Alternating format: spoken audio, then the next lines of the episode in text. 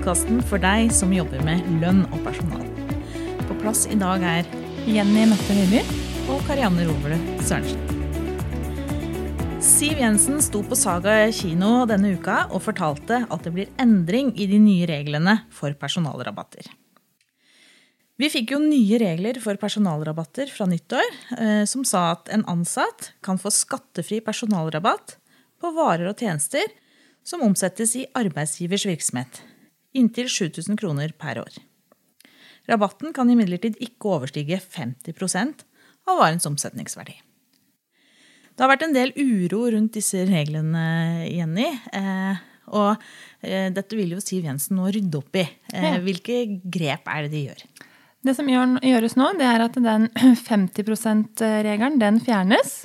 Og så økes det skattefrie beløpet fra 7000 til 8000 kroner per ansatt per inntektsår. Så det betyr at den ansatte nå faktisk kan få 100% rabatt på en vare eller tjeneste innenfor da 8000 kroner. Og det betyr også at en ansatt da kan få 50% rabatt på en vare eller tjeneste innenfor 16 000 kroner per år. Ja. Så fordelens verdi i løpet av ett år er eh, da 8000 kroner. Men så har da arbeidsgiver fått større fleksibilitet eh, i hvordan denne rabatten gis til de ansatte. Ja, det stemmer. I tillegg så er det gjort eh, et grep når det gjelder skattefrie gaver. Og det som er blitt gjort der, det er at eh, skattefri beløpsgrense den økes fra 1000 til 2000 kroner per år. Og dette er jo typisk gaver som julegaver, sommergaver osv. som arbeidsgiver ofte gir til de ansatte. Det man må passe på her, det er at eh, arbeidsgiver har fortsatt plikt i forhold til gaver som mottas fra tredjeparter, altså leverandører, forretningsforbindelser osv. Sånn at når de ansatte da eventuelt da, mottar gaver fra andre, så har eh, den ansatte opplysningsplikt overfor arbeidsgiver i forhold til å melde fra om gavens verdi, for den verdien teller på de 2000 kronene som arbeidsgiver også har å forholde seg til. Sånn at hvis totale gaver per år har verdi over 2000 kroner, så vil alt overskytende bli en skattepliktig naturalytelse, og da er det arbeidsgiver som har rapporteringsplikten, og også plikt til å beregne både forskuddstrekk og arbeidsgiveravgift av det overskytende, da, over 2000 kroner. I tillegg så er det sagt eh, noe om fribilletter i forhold til transportnæringen. Men det som er sagt der, det er at eh, regjeringen utsetter da iverksettelsen av de nye reglene til 1.7.2019. Og det er rett og slett for at transportselskapene skal få tid til å utforme nye billettordninger. Så har skattemyndighetene sagt noe i forhold til en veiledning. Og da er det rett og slett sånn at det skal lages en veiledning som skal gjøre det enklere for arbeidsgiver å ja, skal vi si, etterleve de nye reglene. Og da skal den veiledningen lages eh, sammen med Virke og NHO. Da. Så det vil jeg jo tro kan være en, et godt hjelpemiddel for arbeidsgiver i hverdagen i forhold til å holde seg innenfor regelverket og gjøre ting riktig knytta til regelverket innenfor lønn og skatt.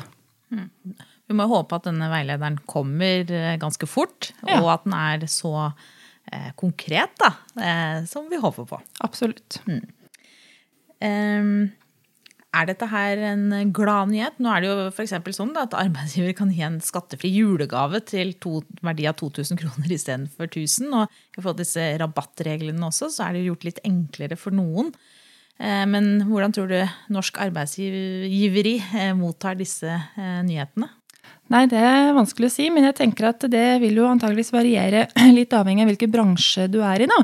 For er det en virksomhet som er i en bransje hvor man eh, omsetter varer og tjenester som er innenfor 100 000 kroners grenser, altså at det er snakk om hundretusener i verdier da, på varer og tjenestene, så vil jo ikke de endringene her ha noe direkte betydning, fordi eh, de eh, skattefrie grensene er såpass lave at det arbeidsgiver tilbyr av varer og tjenester, det er langt over grensene uansett. da.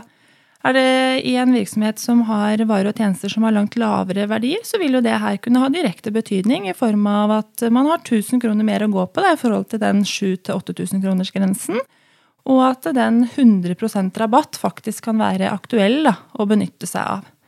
Og da er det jo gjerne det med festivalarrangører osv. som typisk eh, får en bedre ordning her, da, vil jeg si. Ja, og de har vel allerede sagt at de er veldig eh, glad for den endringen. Ja. Vår erfaring er jo at eh, endringer generelt ofte kan være litt tungt å implementere eh, ute hos eh, arbeidsgiverne.